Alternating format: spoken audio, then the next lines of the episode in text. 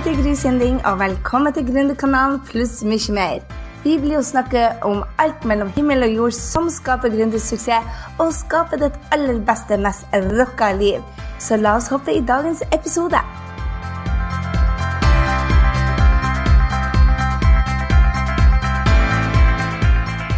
Hei, det er Gry her, og velkommen til Gründerkanalen. Du, I dag skal du få møte Kristian Adolfsen, og han er min store helt fra Andøya, der jeg kommer fra, fra Andes. Kristian er 50% av Adolfsen Group, som nå omsetter for snart 7 milliarder kroner.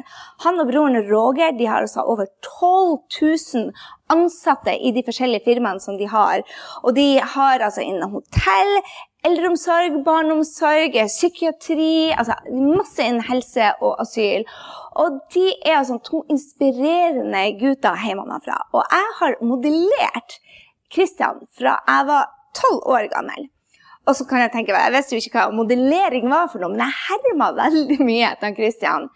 Når Kristian fikk seg jobb hos en lokale kjøpmann som en veldig ung gutt, så skulle jeg gjøre det samme. Så da fikk jeg jobb hos den lokale kjøpekvinnen fra jeg var tolv år gammel. Kristian dro til USA, så var jeg rett bak han. Han tok Sivøken Skoggryta, av Sivøken, og nå er jeg gründer. Veldig mye inspirert av Kristian. Og det er så herlig å få lov til å dele han med deg, for han blir å dele av opp- og nedturer. Han er ekstremt ambisiøs, noe som er veldig unorsk. Han er raus, han er nysgjerrig, og jeg gleder meg så til du skal få ta del ut av opp- og nedturene hans. Hvordan han løser det, hvordan han tenker strategisk, og hvordan han hele tida finner løsninger. Jeg håper du tar flittige notater, for det gjorde jeg gjennom hele dette intervjuet. Og så håper jeg det at du lærer like mye som jeg gjorde til han. Vær så god, her er han Christian. Igjen, tusen, tusen takk ja. for at du vil ha meg på besøk. Jeg vet jo at du er en veldig privat fyr som ikke er så veldig glad i å dele. Men eh, jeg setter utrolig takknemlig for at du setter pris på at du tar deg tid til å snakke med meg. Yes. yes. Så fortell litt. Eh, du starta, vi har snakket, men du starta som gründer når du var veldig veldig ung. Hvordan visste du det? For jeg forsto det sånn at du vet, du visste at du skulle bli gründer på en eller annen vis. Ja, altså, jeg visste fra jeg var liten at jeg skulle eh, starte eget. Eh, men sånn formelt starta jeg jo ikke første firma før jeg var student i 83. Da var jeg par og 20 år, og da starta jeg sånn lite regnskapsbyrå ved siden av studiene. Og så starta jeg første aksjeselskap i 87. Så ved siden av, da hadde jeg full jobb på dagen. Og så starta vi et selskap som heter Merkantilt institutt i lag med en kamerat av meg broderen. Og vi drev med skolevirksomhet. Og det drev vi ved siden av full jobb da, i tre år. Og så starta vi for sjøl 100% i 1990. Hvordan visste du at du skulle bli gründer? da? Nei, Det visste jeg fra jeg var bitte liten. For jeg, egentlig, jeg har alltid drevet med sånn kjøp og salg og kremmeri. Og sånn. Og så, og så var jeg visergutt hos en sånn der gammel nærmest væreier på Andøya. Så jeg gikk og betalte for regning hver lørdag og var var oppe der og så skuffa hans full av penger. Og tenkte oi, så rik han er. vet du, Og visste han hadde mye han skulle ha sagt. Så det var, var mye inspirasjon kom jo ifra, ifra tidlig eh, barndom, når eh, jeg jobba for folk som hadde gjort det bra. Ja. Så du begynte med dette hva, hva er modellering? Du begynte med modellering, du òg. For jeg har jo modellert deg først, og så at du jobba hos Jørgensen, så begynte jeg også å gå Og så bor du til USA, så vil jeg også til USA. Så jeg har jo brukt deg uten at jeg visste at det kaltes modellering, så har jeg jo alltid hatt det der hvis han Christian klarer det, så skal Gry også klare det. Nei, Man blir jo inspirert av folk rundt en. Både folk som man kjenner som uh, gjør og folk som man leser om som uh, gjør. Så, jeg har jo alltid uh, hatt lyst til å drive med business. Jeg visste har aldri vært i tvil om hva jeg skulle utdanne meg til. Jeg var liksom Helt fra bitte liten så visste jeg at det var økonomi og business jeg skulle drive med. Så det, det har vært det, det, har vært helt klart for Jeg har aldri hatt sånn så jeg ser mange ungdommer i dag har sånn utfordring med hvilken utdanning de skal velge og hva de skal gjøre. Sånn, sånn har jeg aldri, jeg har aldri vært i tvil. Jeg har vært, Det er litt rart. Jeg valgte jo Sivøken fordi at du og Roger gjorde det. det var jo ikke så smart. Jeg, aldri, jeg har jo fått brukt det, men, men det Ja, det får du alltid bruk for. For det er noe som driver for seg sånn som du driver nå med deg sjøl, så har du alltid bruk for sånn Sivøk-utdannelse er jo bare egentlig en allmennutdannelse. Det er det. Ja. ja. Så du har jo også, også på noen smeller. For mange gründere tror jo det at at det er bare rosenrødt. Vi ser dere har omsetning på milliarder og, og har det så bra, men, men, det har jo vært noen smeller på dere også? Ja, det er noen humper på veien. Ja, humper i veien. Ja. Hvordan håndterer du de? Nei, du må jo bare jobbe deg gjennom det. Altså, Utfordringer er jo til for å løses. Eh, så det er klart at det er tøft når det står på, men du må bare være jævlig eh, fokusert og så legge en plan for hvordan du skal komme ut av det. For, det, det, kommer alltid til å oppstå uforutsette ting, og du kommer alltid til å møte motstand. og Du kommer alltid til å få misunnelse fra noen og negativ omtale fra noen. og og så gjør man en del feil sjøl òg. Selvfølgelig, det, er en del av det å starte opp for seg sjøl. Feile og lære. Og så må man bare lære av feilene. og så... Ja, hva, du, hva du har lært ut av feilene? da? Så, hvordan... Nei, Du får jo erfaring ut av å gjøre feil. Gjør en feil, så, så prøver du å unngå å gjøre samme feilen en gang til. Men hvis du ikke tar noen sjanser, så, så kommer du ikke noen vei heller. Det, hvis du skal ha det safe og trygt hele tida, så Noen sjanser, men det skulle være kalkulert risiko. Du skal ikke liksom, satse over evne, men eh, litt risiko må du ta underveis.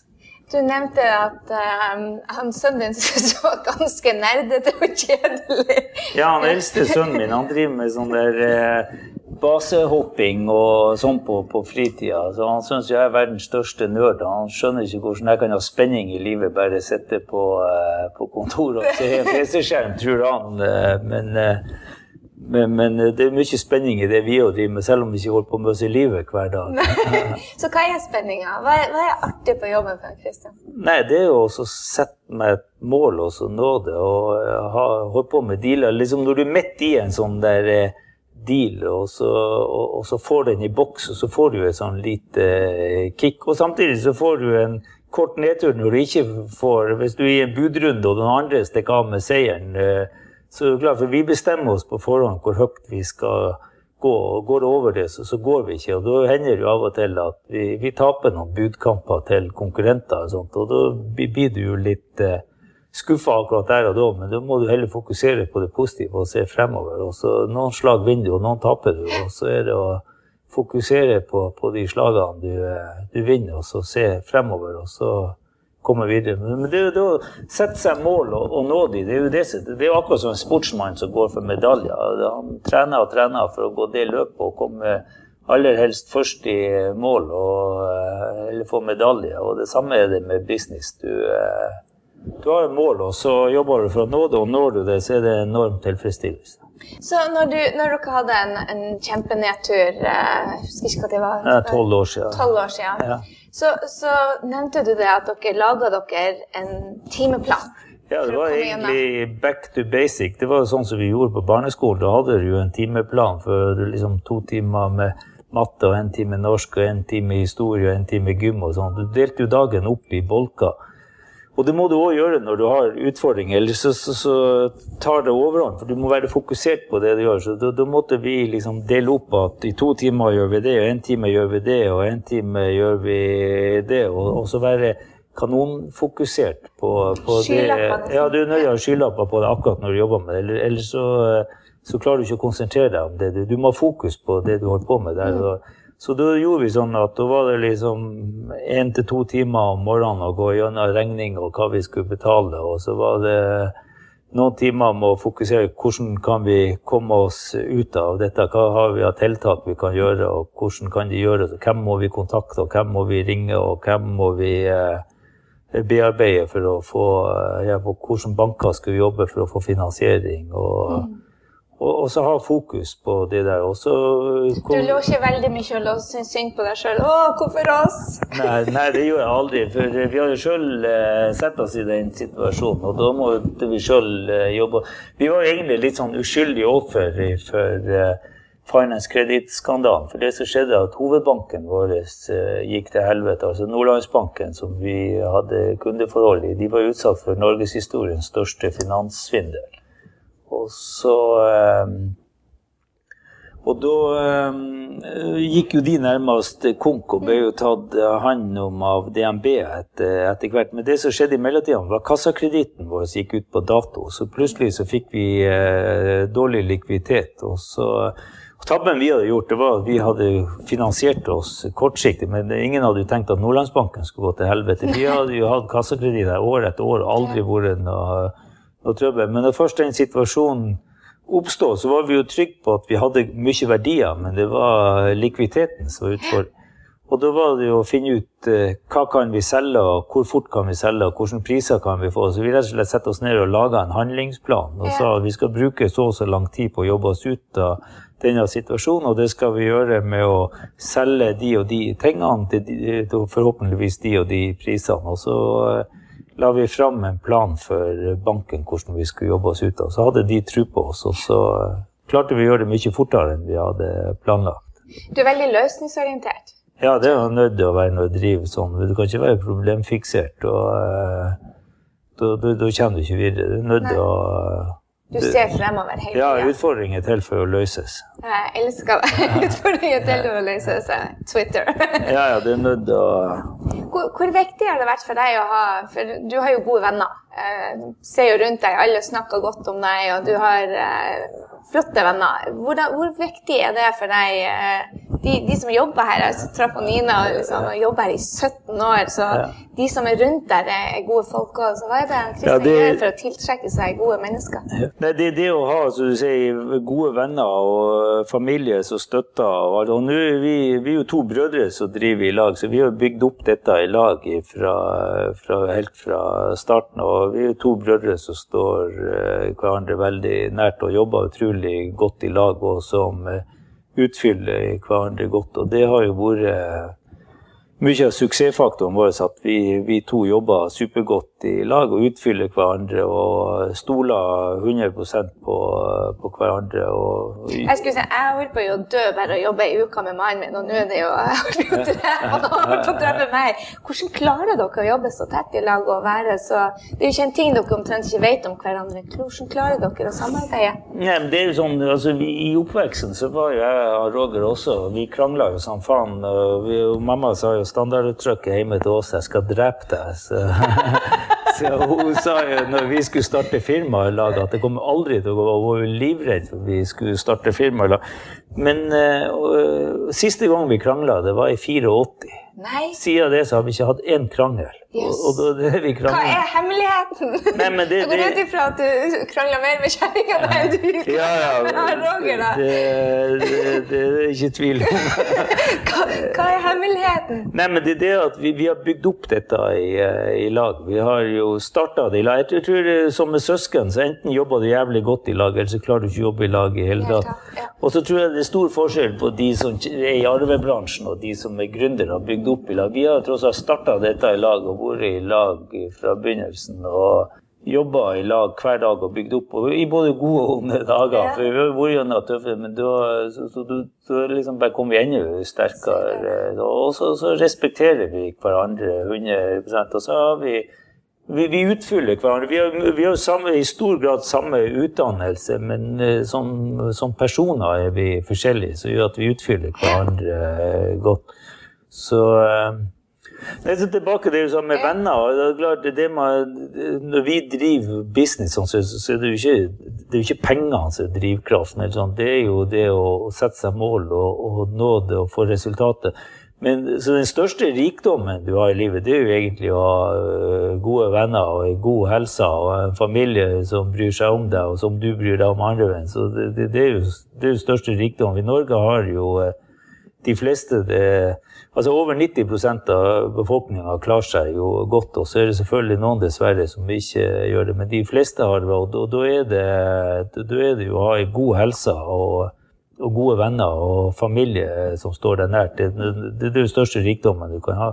Og det tror jeg er viktig å huske på, for det, det er ikke pengene som gjør deg lykkelig. Nei, for du kjøper jo ikke engang dyre sko. Nei, jeg gjør det veldig bra, så kjøper jeg veske og sko. Du gjør ikke det engang. Jeg kan ikke nød unne meg glasscola når, når jeg har gjort en god deal. Nei, vi, vi, det, det, det, har aldri vært drivkraften vår. Vi, vi, eh, vi, er mer dreven av det der av å sette oss et mål, og så jobbe for å nå det. Også den tilfredsstillelsen. Det, det er akkurat som når du springer maraton. og sånn, Du har mål om at den tida skal du klare, og klarer du den tida, så, så, så får du et kick. Og, og sånn er det med, med, det vi driver også. Ja. Så jeg tenker på uh, dette med familie, og du jobber jo enormt mye. Mm. Du svarer jo på mail klokka ett om natta. ja. så, så, hvordan er det du og kjæresten din, kona di, gjør det med Nei, Vi har en deal at uh, fra mandag til torsdag så er jeg å betrakte som en pendler. Så da disponerer vi dagene hver for oss. Altså fra uh, mandags morgen til torsdagsnatt, torsdags uh, natt så, så, disponerer jeg dagen helt fritt, og hun sin dag helt uh, fritt. Så det liker jeg. og, så, og da jobber jeg så mye jeg vil, og da sitter ikke hun og venter på at jeg skal komme hjem til middag. eller noe sånt. Men ofte drar jeg jo hjem litt utpå kvelden og kjører gjerne og henter sønnen min på trening og kjører hjem. Men da sitter jeg på hjemmekontoret og jobber videre. Men fredagene så, så slutter jeg vanlig tid, og da drar jeg hjem i fire-fem-tida. Og så har jeg med årene lært meg etter hvert å ikke planlegge å gjøre noe i helgen. Før så planla jeg alt det jeg skulle gjøre i helga, så ble det jævlig masse stress når jeg ikke fikk gjort det. Men nå planlegger jeg at all jobbing må gjøres fra mandags morgen klokka åtte til fredag klokka fem. Og gjerne på kvelden og litt utpå på natta og sånt. Og så tar jeg ganske fri på, på lørdager. Og søndagene òg, som sagt, har jeg planlagt at jeg skal ta fri. Men ofte får jeg gjort mye på søndager, for da har de andre i huset noen andre aktiviteter de holder på med. og da går jeg på computeren og gjør litt. Og så trener jeg litt innimellom, sånn at jeg holder meg i, i, form. Men det er jo sånn Mandag til torsdag så er det stort sett eh, det er genialt, det der. Jeg med til det der. Bare, jeg pendler mandag til torsdag. Ja, men det funka bra, det. Og så er jeg ofte jobber på hjemmekontoret på, på kvelden, så da um, da er jeg der for, for ungene. Så hvis det er et eller annet de, så, så, så det, det, er bare at I stedet for å sitte og se på en TV-skjerm i stua, så sitter jeg og ser på en PC-skjerm på, på hjemmekontoret. Men, men, jeg er alltid tilgjengelig. Kommer de og lurer på et eller annet jeg vil snakke, så, så er, jeg, eh, er jeg tilgjengelig. Ja. Så det, det, det funka kjempebra. Ja, nei, jeg tenkte det når vi hadde samtalen at jeg må implementere mandag til torsdagsprinsippet. Og, og timeplanen den eh, har funka veldig bra for meg. Jeg, jeg, tror når jeg var ute og kjørte, så var det fordi at jeg var all over the place. Og... Nei, jeg må være fokusert hele tida på det ja. du holder på med. Ja. Så um, du mista jo nesten livet ditt når du løp maraton. Ja, ikke bare nesten. Jeg var jo egentlig stein, død i ti minutter. Jeg datt om under eh, Jeg sprang halvmaraton i Oslo i 2011, høsten 2011. Altså midt under eh, Etter 14 km så datt jeg om eh, med med hjertestans. Så heldigvis var det tre jenter som kom eh, bak meg som var veldig omtenksomme. Og, uh, de tenkte ikke på tida si? Nei, de, de, de, de stoppa opp sitt eget løp og hjalp meg. Da jeg hadde jeg superflaks. Ei var politijente, ei var fysioterapeut og ei var sykepleier. Så de visste jo hva de de skulle gjøre, og så ringte de nødnummer, og så helt tilfeldigvis var det en MC-ambulanse i nærheten som kom forbi alle sperringer. De er selvfølgelig en MC-ambulanse, kan ikke transportere meg til sykehuset, men det, den hadde, hadde uh, hjertestarter i sideveska, så de fikk uh, gjenoppliva meg. Men jeg våkna ikke til liv for, egentlig sånn, altså bevisst for fire døgn etterpå. for jeg lå i koma. Og de tre siste dagene holdt de meg kunstig, kunstig koma. Jeg begynte å våkne opp mandagen etterpå, men da kjørte de meg kunstig koma og, og holdt meg nedkjølt for å skal ha maksimal uh, hvile. Og så våkna jeg opp fire dager etterpå og skjønte ikke en skit hva som hadde skjedd. Men, men, det var masse tilfeldigheter som var på, eh, på min side, og hjelpsomme folk. Så det var liksom både de tre jentene som tok action med en gang, og MC-ambulansen, og utrolig kompetent team på Ullevål eh, sykehus. Som, eh, så, så, så, jeg hadde alle tilfeldighetene på min side. Helt utrolig. Du var englevakt. Ja, jeg var superheldig, så det går For du trener, og du drikker ikke, og du røyker ikke, og du er supersunn, og likevel så stopper hjertet sånn. Ja, så, men det er klart, jeg, nå, altså, men det, det, er jo ikke hele livet jeg har vært like sunn i matveien. Det er klart, Fra jeg var sånn 20 til jeg var 40. Og jeg var godt, i god form fram til jeg var rundt 20 år. Og så tok jeg en 27 års pause. så jeg trena ikke en skit imellom jeg var 20 og 47. Yes. Og, og, da trener jeg ingenting. Da bare jobba og jobba. Og så begynte det som et veddemål på jobb. Og også fra jeg var egentlig fra jeg var en 20 til jeg var en 40, så var det mye usunn mat. Altså mye pizza, hamburger, pommes frites og sånn. Så det er sikkert sånne ting som setter seg inn i, i blodåren. For det, var, det som skjedde, var hovedkransåra inntil hjertet var gått pottetett, så de måtte blokke den ut og sette inn sånn stent der. For det var bare blodtilførselen til hjertet som eh, stoppa helt opp. Og allikevel så sitter du her i dag. og Har du endra noe etter det her? Nei, egentlig ikke noe særlig. Sånn, jeg er selvfølgelig blitt mye mer eh, bevisst på, på kosthold. Sånt. Selv om jeg hadde vært det de siste seks-syv årene før dette skjedde, så hadde jeg vært ganske sunn i kost. Men nå er jeg veldig sånn, sjelden jeg spiser pizza og pommes frites. Og ja. det, det, hender innimellom, men det, det, er mye mye sjeldnere enn eh, tidligere. Og, og jeg er blitt mer bevisst på det. Også, eh, men den største forskjellen, hvis det er noe særlig forskjell, det er jo egentlig at jeg har tatt meg litt mer tid til å eh, gjøre ting med familien. Altså reise bort. Ta litt sånn, ikke sånne lange månedsvise turer, men eh, jeg blir mye flinkere sånn å være med på høstferie og vinterferie. ja. Og ta en langhelg der og der og sånt. Så, så, så oppleve ting med, med de. Så, hvis du spør de, så syns de sikkert ikke er så veldig stor forskjell, men det er faktisk litt. For deg er det ja. ja. Så du må jo elske jobben din da veldig, siden du var rett tilbake på jobb? Ja, jeg var jo på jobb dagen etter. Jeg kom jeg kom ut av sykehuset klokka sju om kvelden. Altså, jeg lå på, på sykehuset fra Jeg datt om en søndag, og så våkna jeg opp onsdagen etterpå. Så holdt de meg på sykehuset til onsdagen etterpå. Torsdags morgen var jeg på jobb. Så jeg var borte arbeids, åtte arbeidsdager, men det tok jeg ut som ferie. Jeg skulle ikke faen ikke på meg hvor sykemeldt. Så det tok jeg av ferien, for da hadde jeg jo skikkelig hvilt ut i, i åtte dager. Den lengste ferien du har hatt? Ja, fire dager helt i koma. Og så, eh, og så da, da, var jeg rett på, på, jobb. De skulle sykemelde meg i, i tre måneder, men da sa jeg da blir jeg i hvert fall sjuk. Så, eh, nei, så jeg har ikke merket, jeg har vært helt krutegod etterpå, ikke merka noen ting til det sett mellom ørene. sa ja.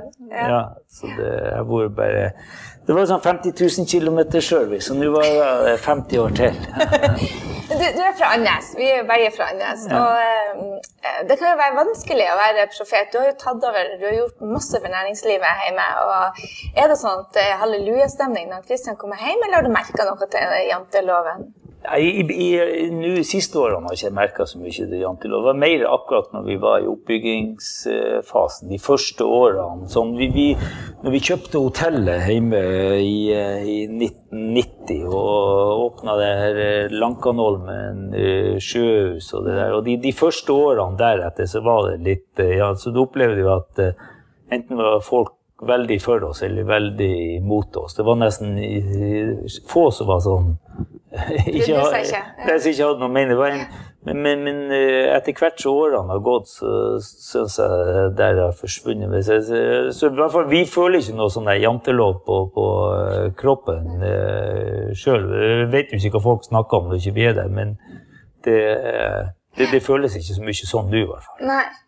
Når du var liten, så mista dere alt. Faren gikk konkurs, personlig konkurs, og dere var i avisene. Hvordan ja. var det for deg? Jeg var jo sånn tøff. Nei, var, var, da var jeg faktisk ikke så liten. Jeg var 20 år, okay. og broderen var 17. Det var i 81. Og da, da gikk eh, fattern konkurs og mista eh, liksom alt vi eide. Hadde hus og bil og alt. Så de måtte kjøpe tilbake og begynne på skrev. Og det var ikke bare aksjeselskap. Han hadde kausjonert privat, så han gikk beslått personlig konkurs. Så vi sto komplett på bar bakke. Og alle visste om det? Ja, ja, det var jo en liten plass. Plass og sto jo store oppslag i lokalavisen og alt. Og, men, men da eh, heldigvis har fatter'n alt vi, vi, var godt forberedt. For det var ikke sånn at det kom seg bomba på meg og broderen.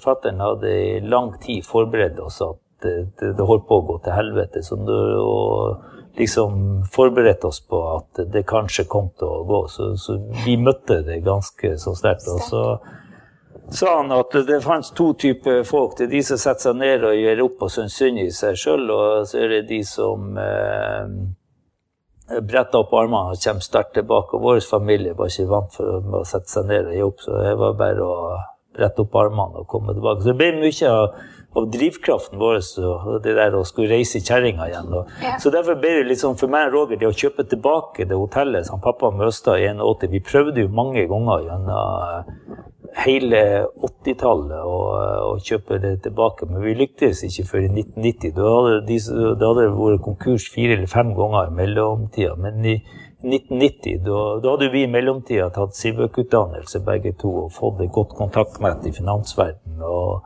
sånt, og da lyktes vi med å kjøpe det tilbake. Så det var jo det første hotellet vi, vi kjøpte. Det var det samme som pappa mistet ni år tidligere. Ja, Dere gir ikke akkurat opp?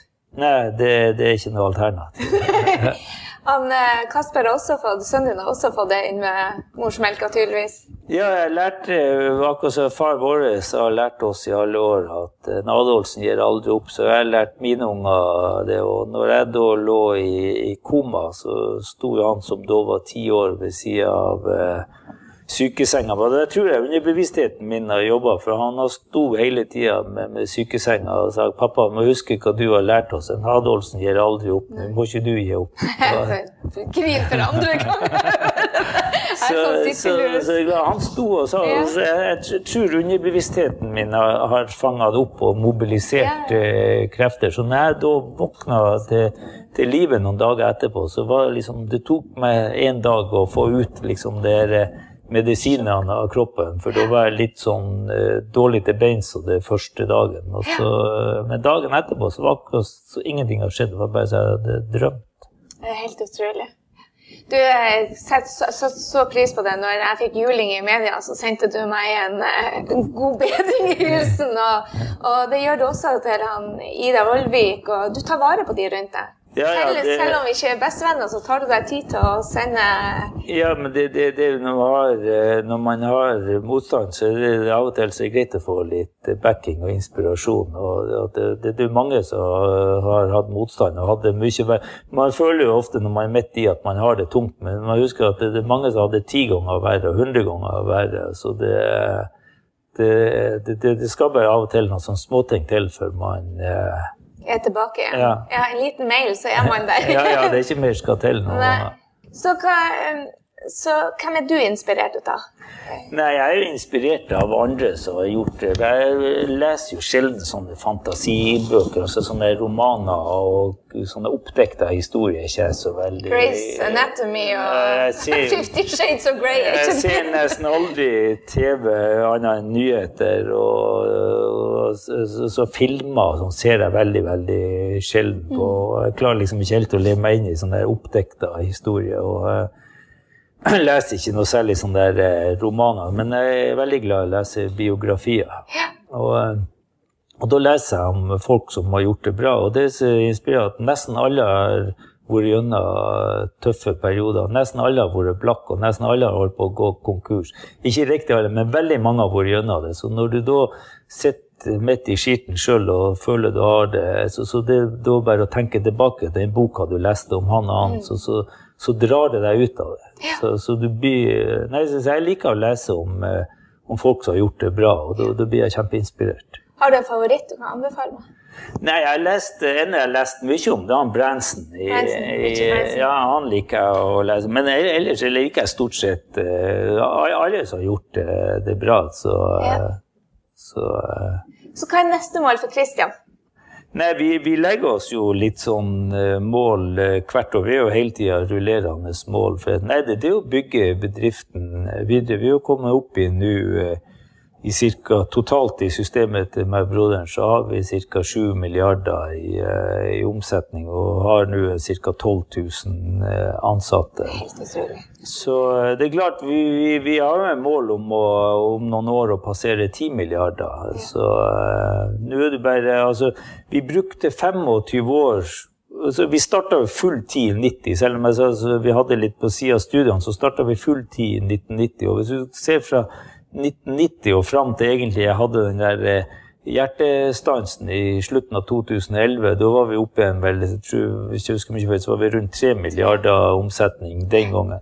Og på tre år nå så har vi jo mer enn en dobla. Det, det tok oss jo godt over 20 år å komme dit vi var for tre år siden. Så har vi nå på, eh, på eh, litt over tre år uh, mer enn dobla det. Så det blir sånn snøball som ruller. Det, når du først får det til å ta av, så, så går det uh, fort. Så det er klart at på, et eller annet tidspunkt så, så har vi jo mål om å, å, passere. Men det, det er ikke omsetninga at det skal være lønnsomt òg. Mm. Men det er jo ikke sånn, vi driver en bransje som ikke er sånn superlønnsom. Det er jo tøff konkurranse og tøffe marginer. Så vi har en sånn uh, driftsresultat på 6-7 av omsetninga. Det, det, det, det, er det det ligger på. så du må, opp, du må opp i store volum for at det skal bli ja. Du har ikke tenkt å pensjonere deg veldig snart? Nei, det tror jeg aldri jeg skal gjøre. Nei, det blir den nye tonen. Han, ja, han, er, han, kjenner, han var faktisk en av de første jeg Roger ble kjent med i norsk næringsliv, han Olaf Thon, og vi har eh, god, god, kontakt med han fortsatt. Så. Han er en inspirerende fyr, ja, han altså. er, han er, jeg ser Fattern er jo 78, han jobber jo fulltid, og mer enn fulltid ennå, ja. så det ligger liksom ikke i genene våre. Jeg har aldri hatt noen drøm om å bli noen der pensjonist og sitte på ei strand og knipse med tærne. Det er greit å ha ferie av og til, men jeg hadde visna på rot hvis jeg skal vært pensjonist. Det, det, er ikke noe for meg. Jeg har respekt for de som liker å ha lyst men for meg er jobben eh, det er det som er livet. Jeg elsker det jeg holder på med. Så, så, så det har aldri grua meg en eneste dag til å gå på, på, jobb. Jeg gleder meg. Selv når vi hadde det, det tøft, så var jeg bare så liksom keen på å jobbe meg ut av det. At, uh, at det, så selv da var det ikke tøft å gå på jobb. Nei.